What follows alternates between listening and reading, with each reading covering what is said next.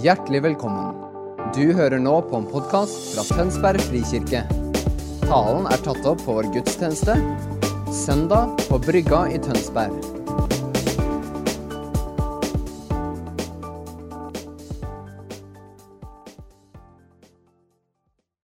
Kjære konfirmanter. Det er derfor jeg gikk hit.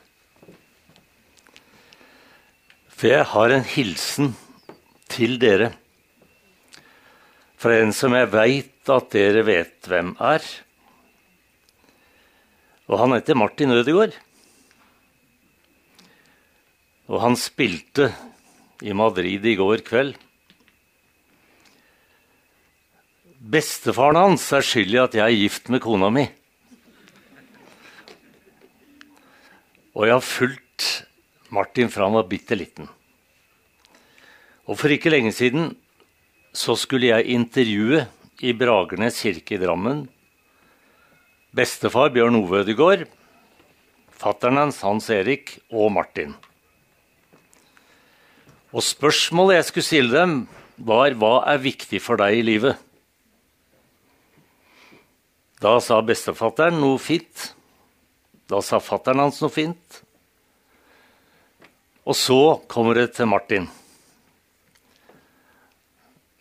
Og så sier han når jeg skal besvare det spørsmålet, så ser jeg på bestemor som sitter på tredje benk der.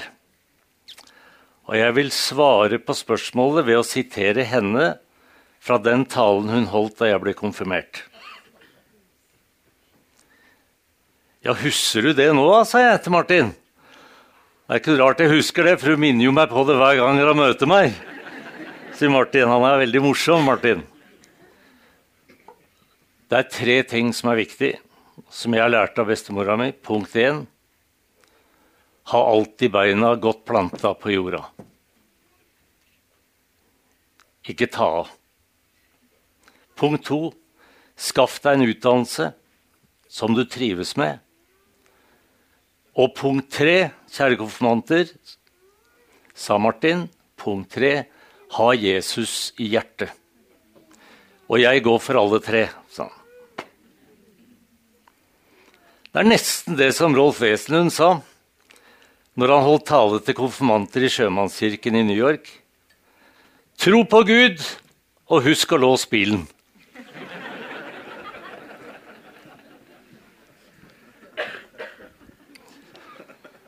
Kjære alle sammen. Kjære Linda, som har tatt imot meg nesten som Martha og Maria med alabasterkrukke. Dere har jo sunget om det òg. Det er litt rart å stå her, fordi i fire år så var jo domkirken her oppe, kirken min. Det er biskopens kirke. Og det var veldig, veldig fint. Men det er jo bare 400 meter unna. Men jeg ble aldri tatt så hjertelig imot som av deg i dag.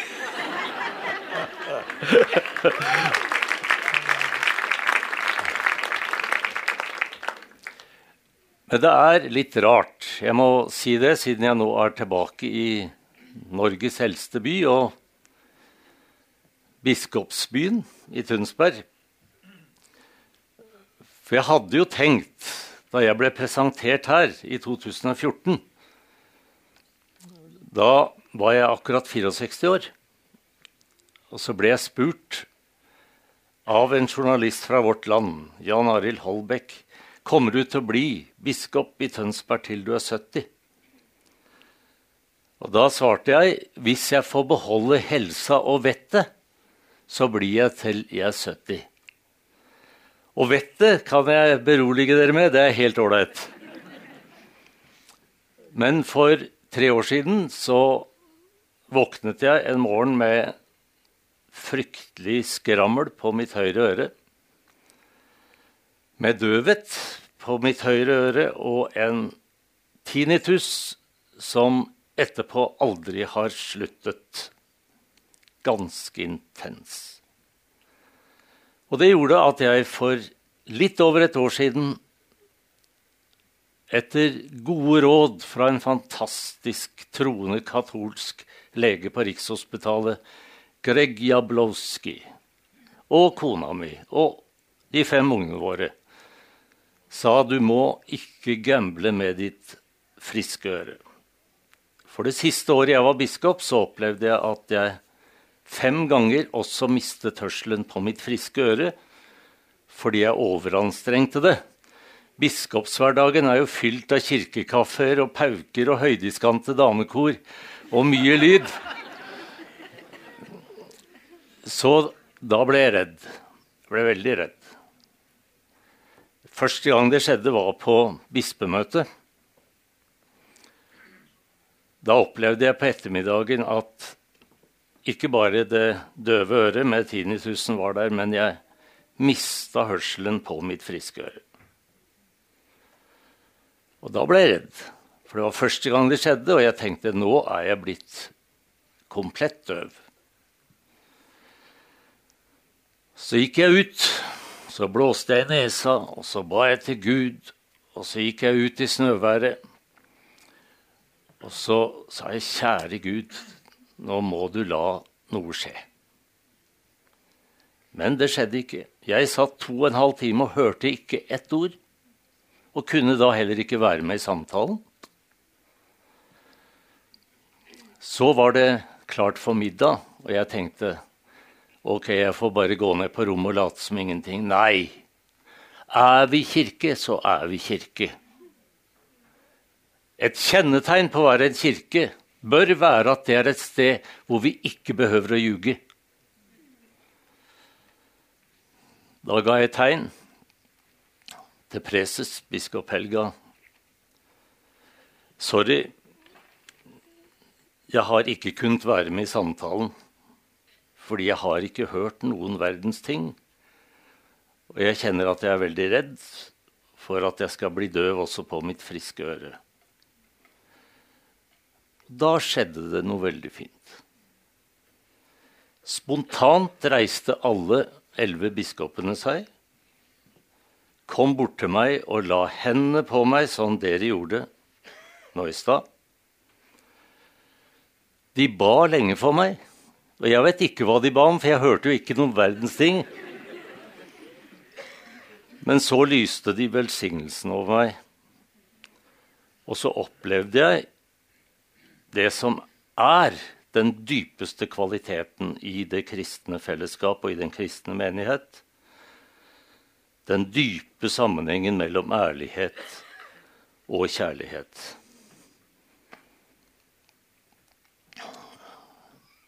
Kjære venner. Den hellige Ignatius Aloyola, som levde på Martin Luthers tid, og som er en av vår tids aller, aller viktigste veiledere fortsatt, åndelige veiledere. Han sa til en kjær venn som hadde vært igjennom en dramatisk beslutning Husk at den gode ettersmaken er Guds nådefulle bekreftelse på en riktig beslutning. Og her kan jeg nå stå 400 meter fra det stedet hvor jeg var veldig glad for å stå, og hvor de også er samlet til gudstjeneste akkurat nå. Og kjenne at det var riktig. Den gode ettersmaken har vært Guds nådefulle bekreftelse på en riktig beslut.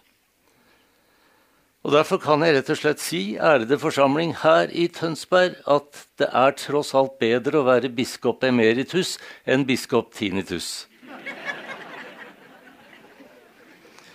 Vet dere forresten hva emeritus betyr? Etter fortjeneste, etter ære. Mange måter å se det på. Men min forklaring av ordet EM, biskop EM er biskop, etter hvert moden.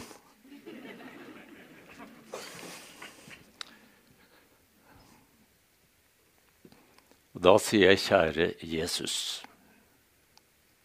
la oss synge vårt Kyrie.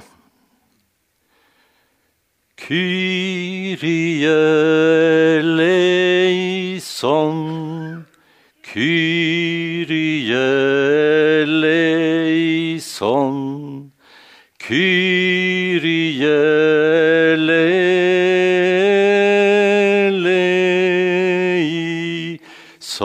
En gang til og legg på stemmer. Kyrie leison, Kyrie leison, Kyrie leison.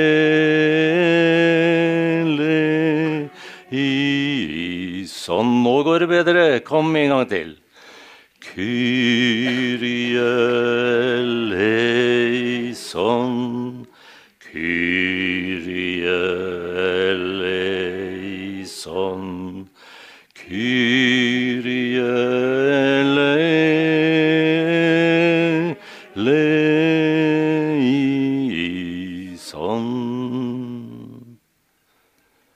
dermed er vi i preludiet,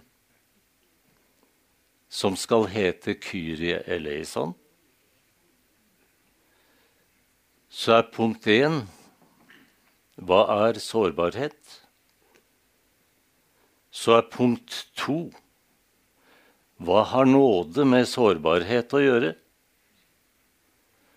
Og punkt tre hva har nåde med takknemlighet å gjøre? Og så avslutter vi med et postludium, og da er det gått 30 minutter fra nå.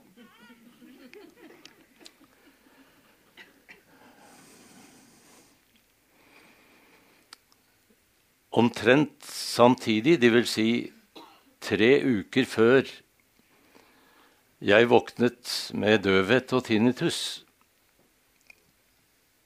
så klarte mor, Sigrid Dahl, født Ulmo, på Katinka Gullbergs eldresenter på Lovisenberg i Oslo å få opp porten til nødtrappa fra femte etasje ned til fjerde etasje.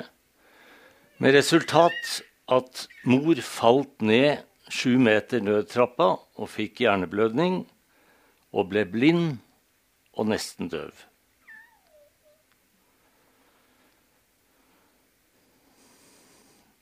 I ukene som fulgte, og vi var sikre på at hun skulle få lov til det hun hadde som et stort ønske Jeg vil hjem! Jeg vil hjem! Og når hun sa det til sønnen sin, som var biskop, så syntes jeg at jeg måtte svare litt åndelig. Og jeg svarte, 'Mor, vil du hjem til himmelen?' 'Nei, jeg vil hjem til Gudbrandsdalen'. Og det var vel derfor hun fikk opp denne porten, da. Det eneste mor sa og sang, var Kyrie eleison. Gud Fader, miskunne deg. Kyrie eleison betyr Jesus. Ha barmhjertighet med meg.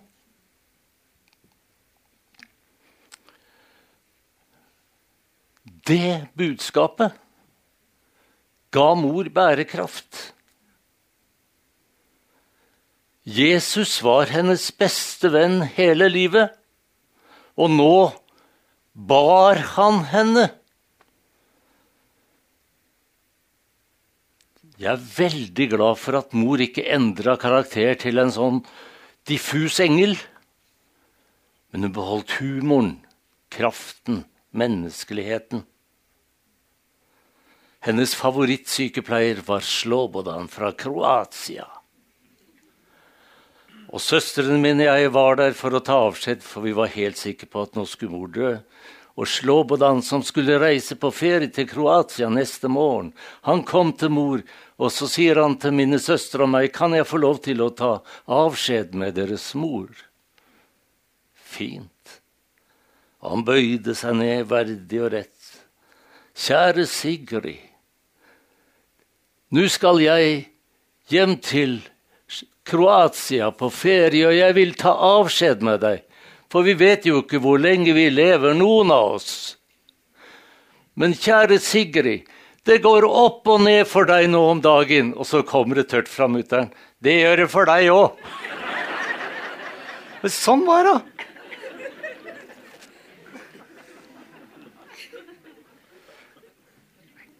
Vi var helt sikre på at hun skulle dø om kvelden. Fordi hun fikk, ble veldig urolig og fikk lange pustestans. Så fikk hun litt morfin. Og om det som nå skjedde, skyldes morfin eller Den hellige ånd eller ukjente gener fra Gudbrandsdalen, det vet jeg ikke. Men mutter'n ligger på ryggen, lar tomlene gå rundt. Hun som aldri har skrevet et dikt eller holdt en tale, men laga verdens beste kringler og middager og vaska tusen par fotballstrømper for meg. Det er dame, det. Sånn ligger det, og så kommer det. Jeg har kjempet, jeg har slitt. Den som gir seg, er en skitt. Det er mottoet mitt.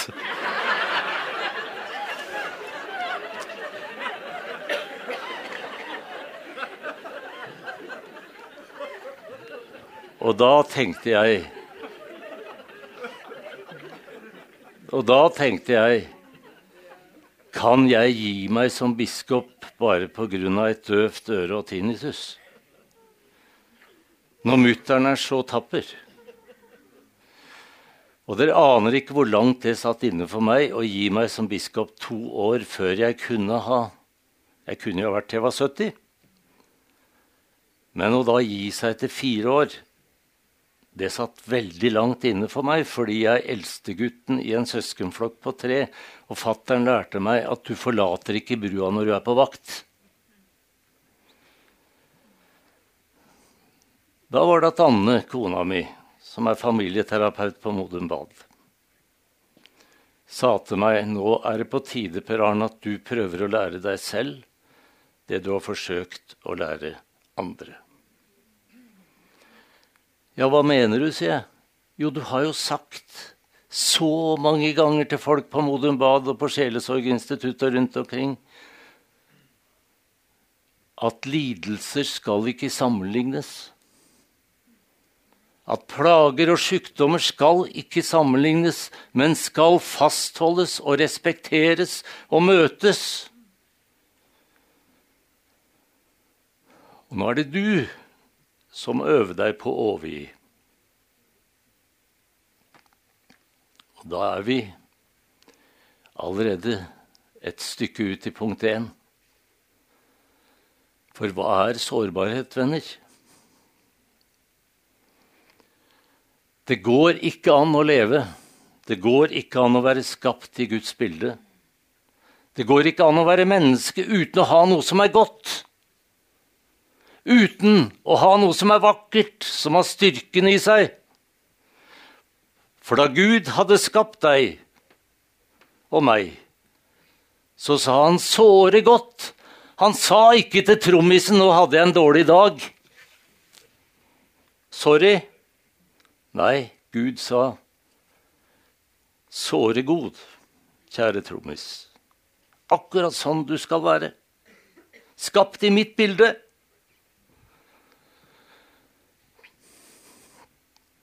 Det går ikke an å være skapt i Guds bilde uten å ha noe som er godt. Men det går an å leve et helt liv uten å ta imot det. Uten å tro det. Og det har ført til, i mange sammenhenger, en slags forakt for sårbarhet og svakhet. En arv som sitter helt tilbake til 1860 og 70 og Darwin. Og 'survival of the fittest' med dagens idolkultur vinn eller forsvinn. Ikke rart at en ungdom på akkurat deres alder sa til meg forleden Jeg blir så sliten av at livet er en eneste lang catwalk. Og at livet består av så mange auditions.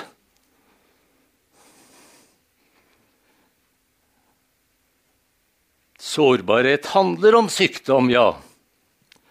Sårbarhet handler om kroniske smerter i ledd og muskler.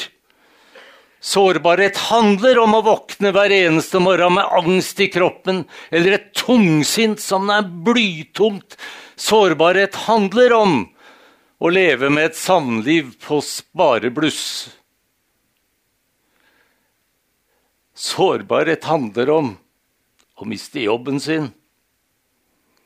Sårbarhet handler om at du mistet barnet ditt. At du mistet ektefellen din enten pga. sykdom og død, eller dere fikk det ikke til, samme hvor mye dere ville det.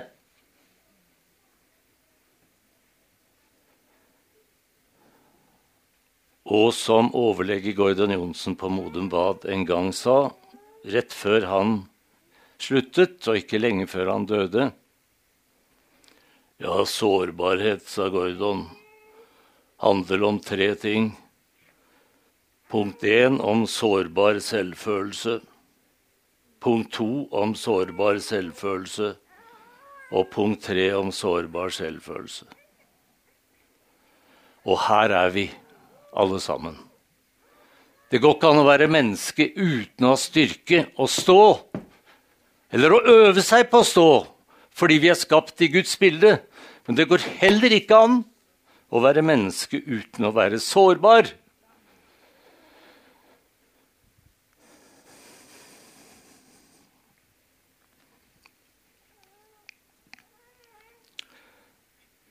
Hva er din sårbarhet? Der du sitter nå, øver deg på å senke skuldrene litt og kjenne etter. Hvor er ditt sårbare punkt? Ja, det er mutter'n og fatter'n som aldri helt har vært fornøyd med meg.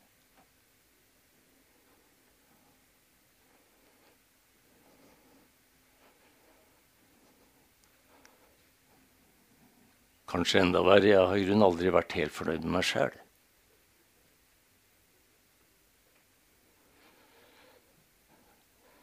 Og noen ganger, kjære venner, så er det veldig tynne vegger mellom styrke og sårbarhet.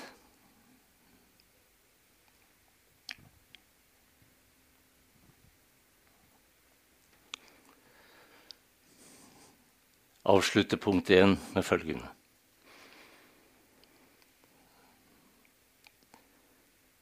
Det var høljregn. Jeg hadde stått på ventelister til alskens spesialister. Og dessverre var jeg litt for redd for å snike i køen, så jeg kom ikke til spesialist før det var gått fem uker, og da var det for seint.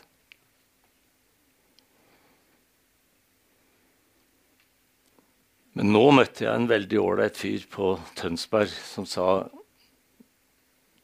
nå fortjener du å komme til den beste doktoren. Jeg skal ringe personlig. Det er han som har lært meg alt jeg har trengt å lære om øret. Og jeg kom til Greg Jablonski, praktiserende polsk katolikk, som møtte meg. Vet du hva han sa? 'Velkommen, biskop Dahl. Nå skal vi ha god tid til å tale sammen.' Tenk det, du. Og han undersøkte meg og snakket sammen, og han sa Jeg beklager, men det er sneglehus i ditt indre øre som fikk en akutt infeksjon som ikke ble behandlet med prednisol. Og derfor vil du måtte leve med din døvhet og din tinnitus helt til din time er slutt. Beklager det, Dahl. Og da ble jeg jo Jeg kjente meg litt på grineren.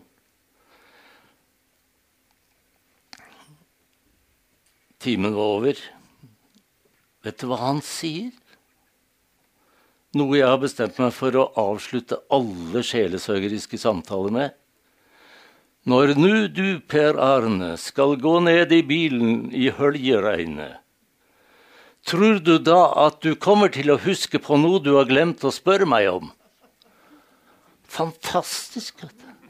vet du hva? Da begynte jeg å grine. Det var en sånn overraskende erfaring av godhet. Og da skjønte jeg at det er et munnhell som bare er tull å si 'livet er ikke for amatører'. Har du hørt den? Som om livet bare er for proffer. Proffer er håndverkere.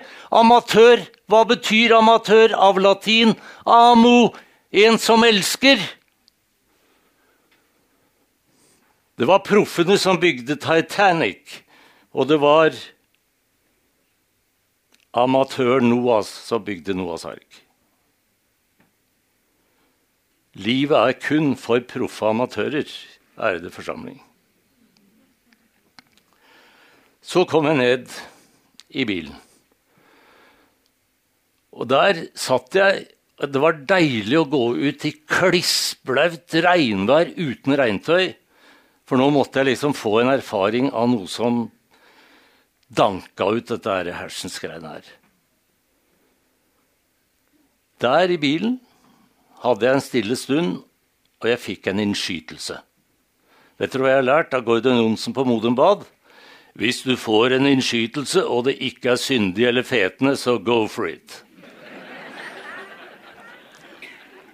Det er led altså Spørsmål hva er Guds ledelse? Det er en innskytelse som ikke er syndig eller fetende.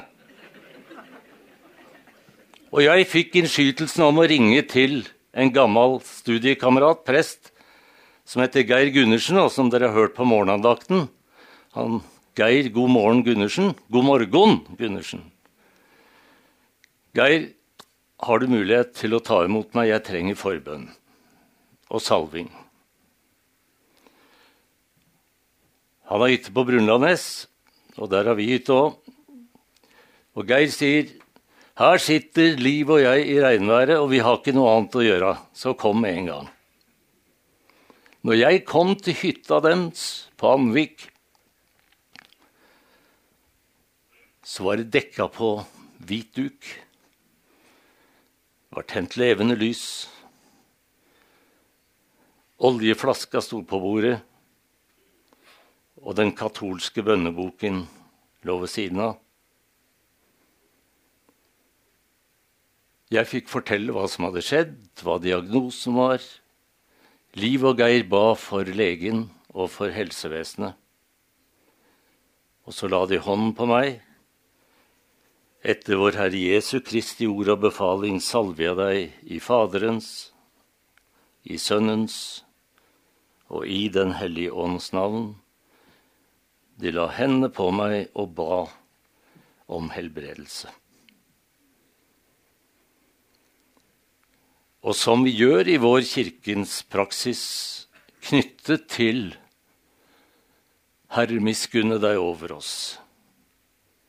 Far, i dine hender overgir vi vår ånd. Og Da vil du kanskje spørre ble du frisk. Nei, jeg ble ikke frisk, men jeg opplevde de tre første bokstavene i ordet. Jeg ble fri.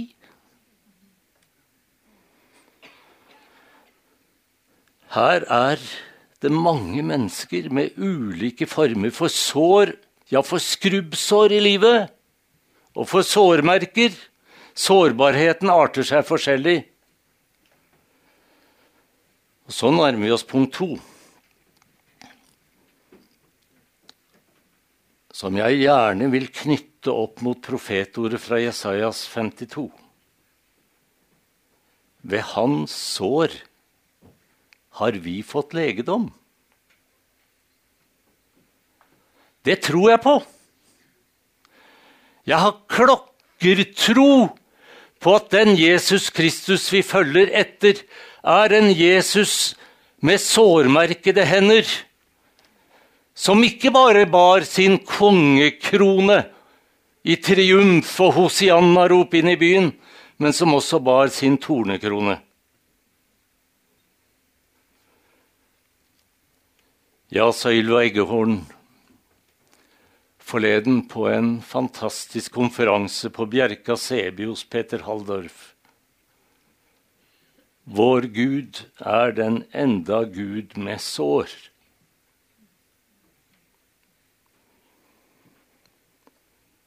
Noen ganger får vi legedom på uforståelig vis. Noen ganger får vi legedom gjennom et veldig godt helsevesen. Men noen ganger må vi leve med såret. Og samme hvor mye vi ber, og samme hvor mye vi blir omsluttet, så er det igjen en rest. Kets på hebraisk.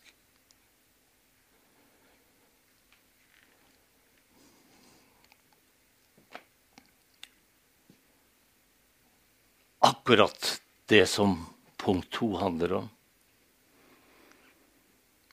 Akkurat det som Paulus har lært oss om. Herre, tre ganger ba jeg om å få slippe tornen i kjødet. Første kor tolv. Første kor tolv. Men du svarte, Herre, min nåde er nok for deg, og kraften fullendes i skrøpelighet. Ja, sier du, jeg har bedt mer enn tre ganger om å få slippe tornet i kjødet. Om å få slippe melankolien og depresjonen, om å få slippe angsten, om å få slippe at kona og jeg bare krangler og er etterpåkloke begge to. Du aner ikke hvor mange ganger jeg har bedt om at det under kunne skje, at jeg kunne reise meg opp fra rullestolen.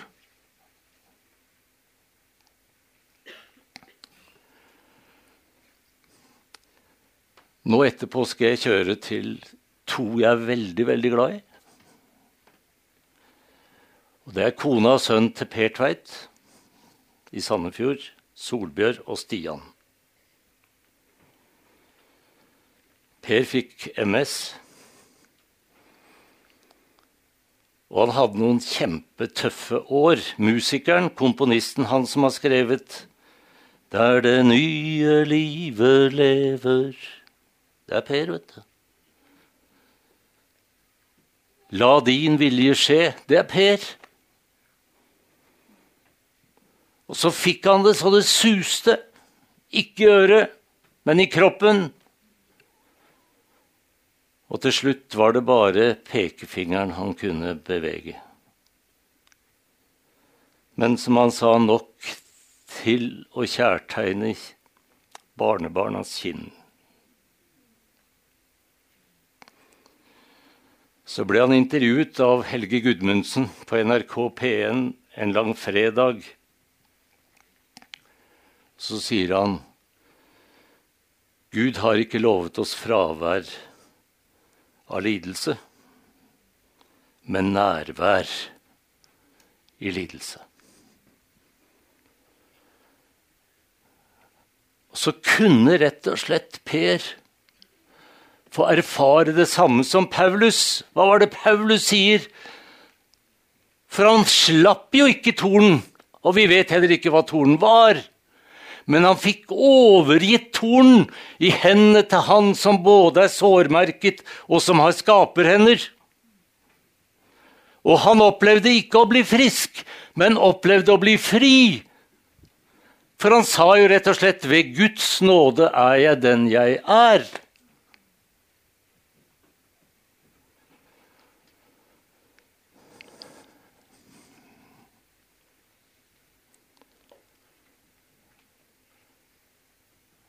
Du spør meg om jeg er blitt frisk,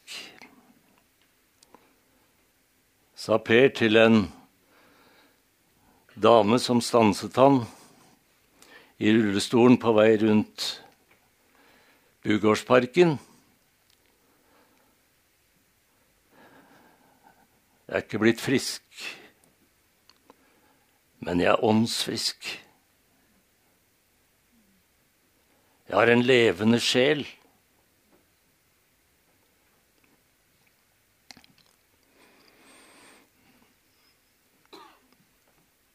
Til nåden, venner, og nå har jeg sju minutter igjen Til nåden, venner, så hører det nådefulle fellesskap. Sønnen vår Kristoffer spilte i Lyn da Espen Olavsen var trener der.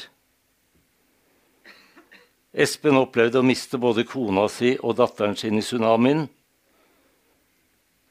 Men han og yngstegutten Balder, som da var fem, nå er han blitt 20, overlevde på merkelig vis. Men så mye skjønte han av nåden, selv om dette var litt fremmed for han. Han sa, 'Du må ha lovlig lange armer for å holde rundt deg sjæl'.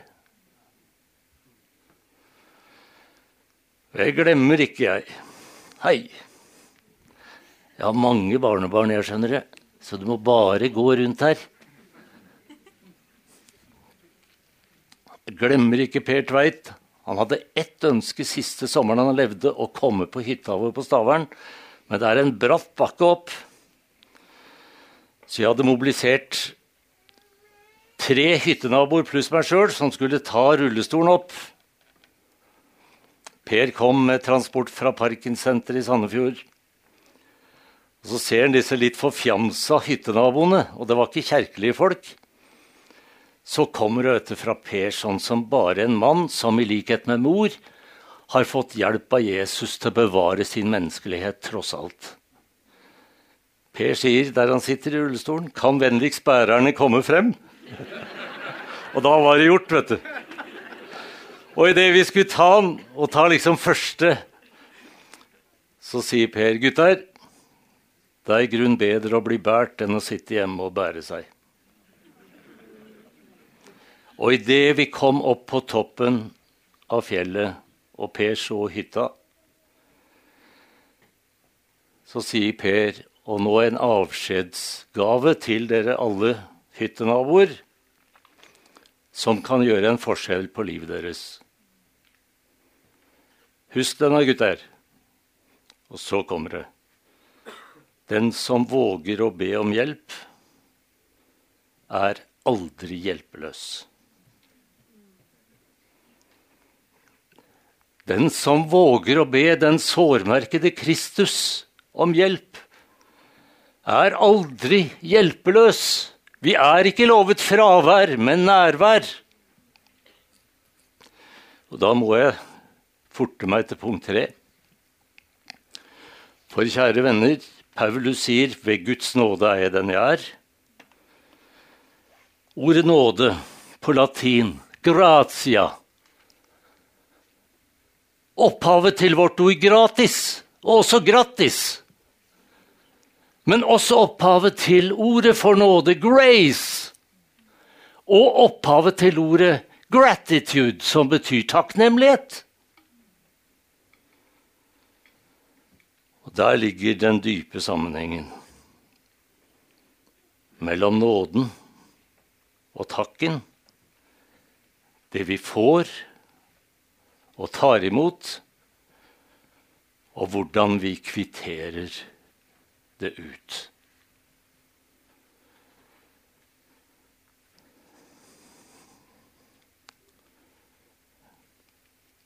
Anne og jeg har, er heldige og har fem barn. Jeg satt og tenkte på hvor de er nå. De er på forskjellige steder, men Kristoffer han har gifta seg med Margot, som er barne- og familiepastor i Betlehem i Oslo. Og hun står der og leder gudstjeneste nå. Og jenta vår Mari, som er danser, er gift med Vegard Husby, som har vært prest i Storsalen, og nå leder de gudstjeneste i Sjømannskirken i St. Pedro. Og så er det også et par av unga som ikke er i kirken, men andre gode steder så er vi her. Så glemmer jeg ikke at de fem ungene og Anne og meg var på biltur i England og kom til en sånn liten Postmann Pat-kirke. Over inngangen sto det rett og slett, og det er min avslutning her Think, thank, Rejoice, som betyr tenk. Takk og gled dere. Tenk på Jesus sår. Tenk på tornekronen. Tenk hvordan gjennom hele Skriften er en dyp sammenheng mellom tornebusken som møtestedet mellom Gud og mennesker, og trøstebudskapet fra profeten Jesaja til folket som satt ved Babylons elver og gråt og fikk høre, istedenfor tornekratt. Skal det vokse sypresser? Og istedenfor nesle skal det vokse de fineste myrter, og det skal skje til ære for Herren, vår Gud.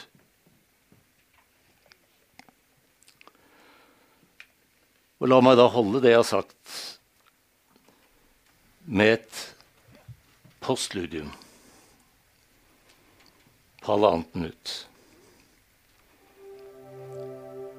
Rolf Wesenlund, som holdt konfirmasjonstalen i sjømannskirken i Singapore, var det. Tro på Gud, og husk å låse bilen. En av mitt livs fineste opplevelser var at jeg var invitert av Festspillene i Nord-Norge i juni 2011 til å ha en samtale mellom Rolf Wesenlund og Arthur Arntzen om glede og gudstro. Dette var to år før han døde. Anne og jeg vi ble bedt inn på kaffe når vi skulle hente dem, før vi skulle kjøre til Gardermoen.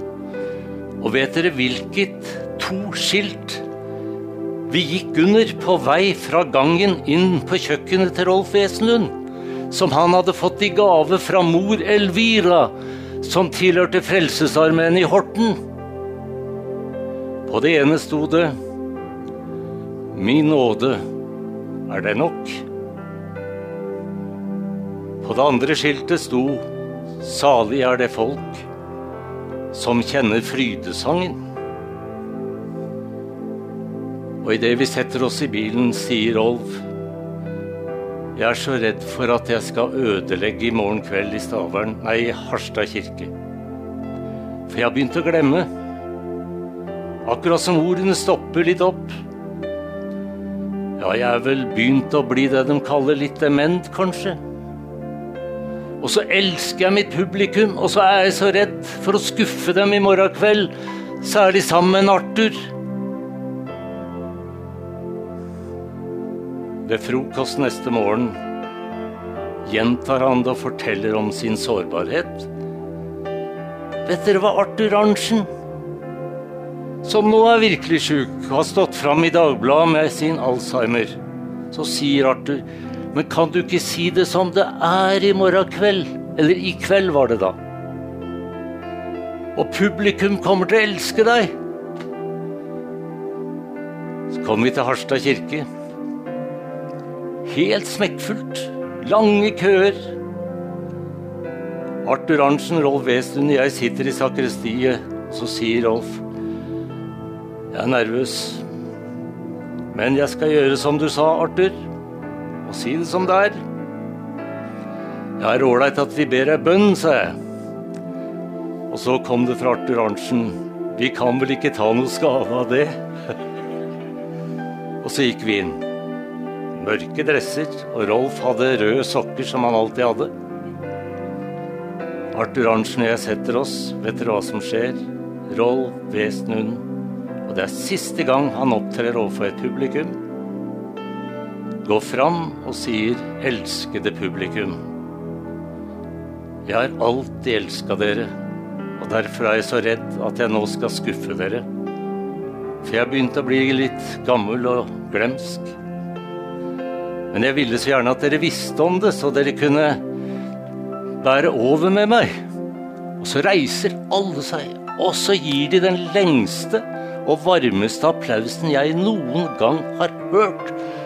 Og så var det akkurat som Roll og Arthur og jeg ble båret på vinger om glede og gudstro, tross alt.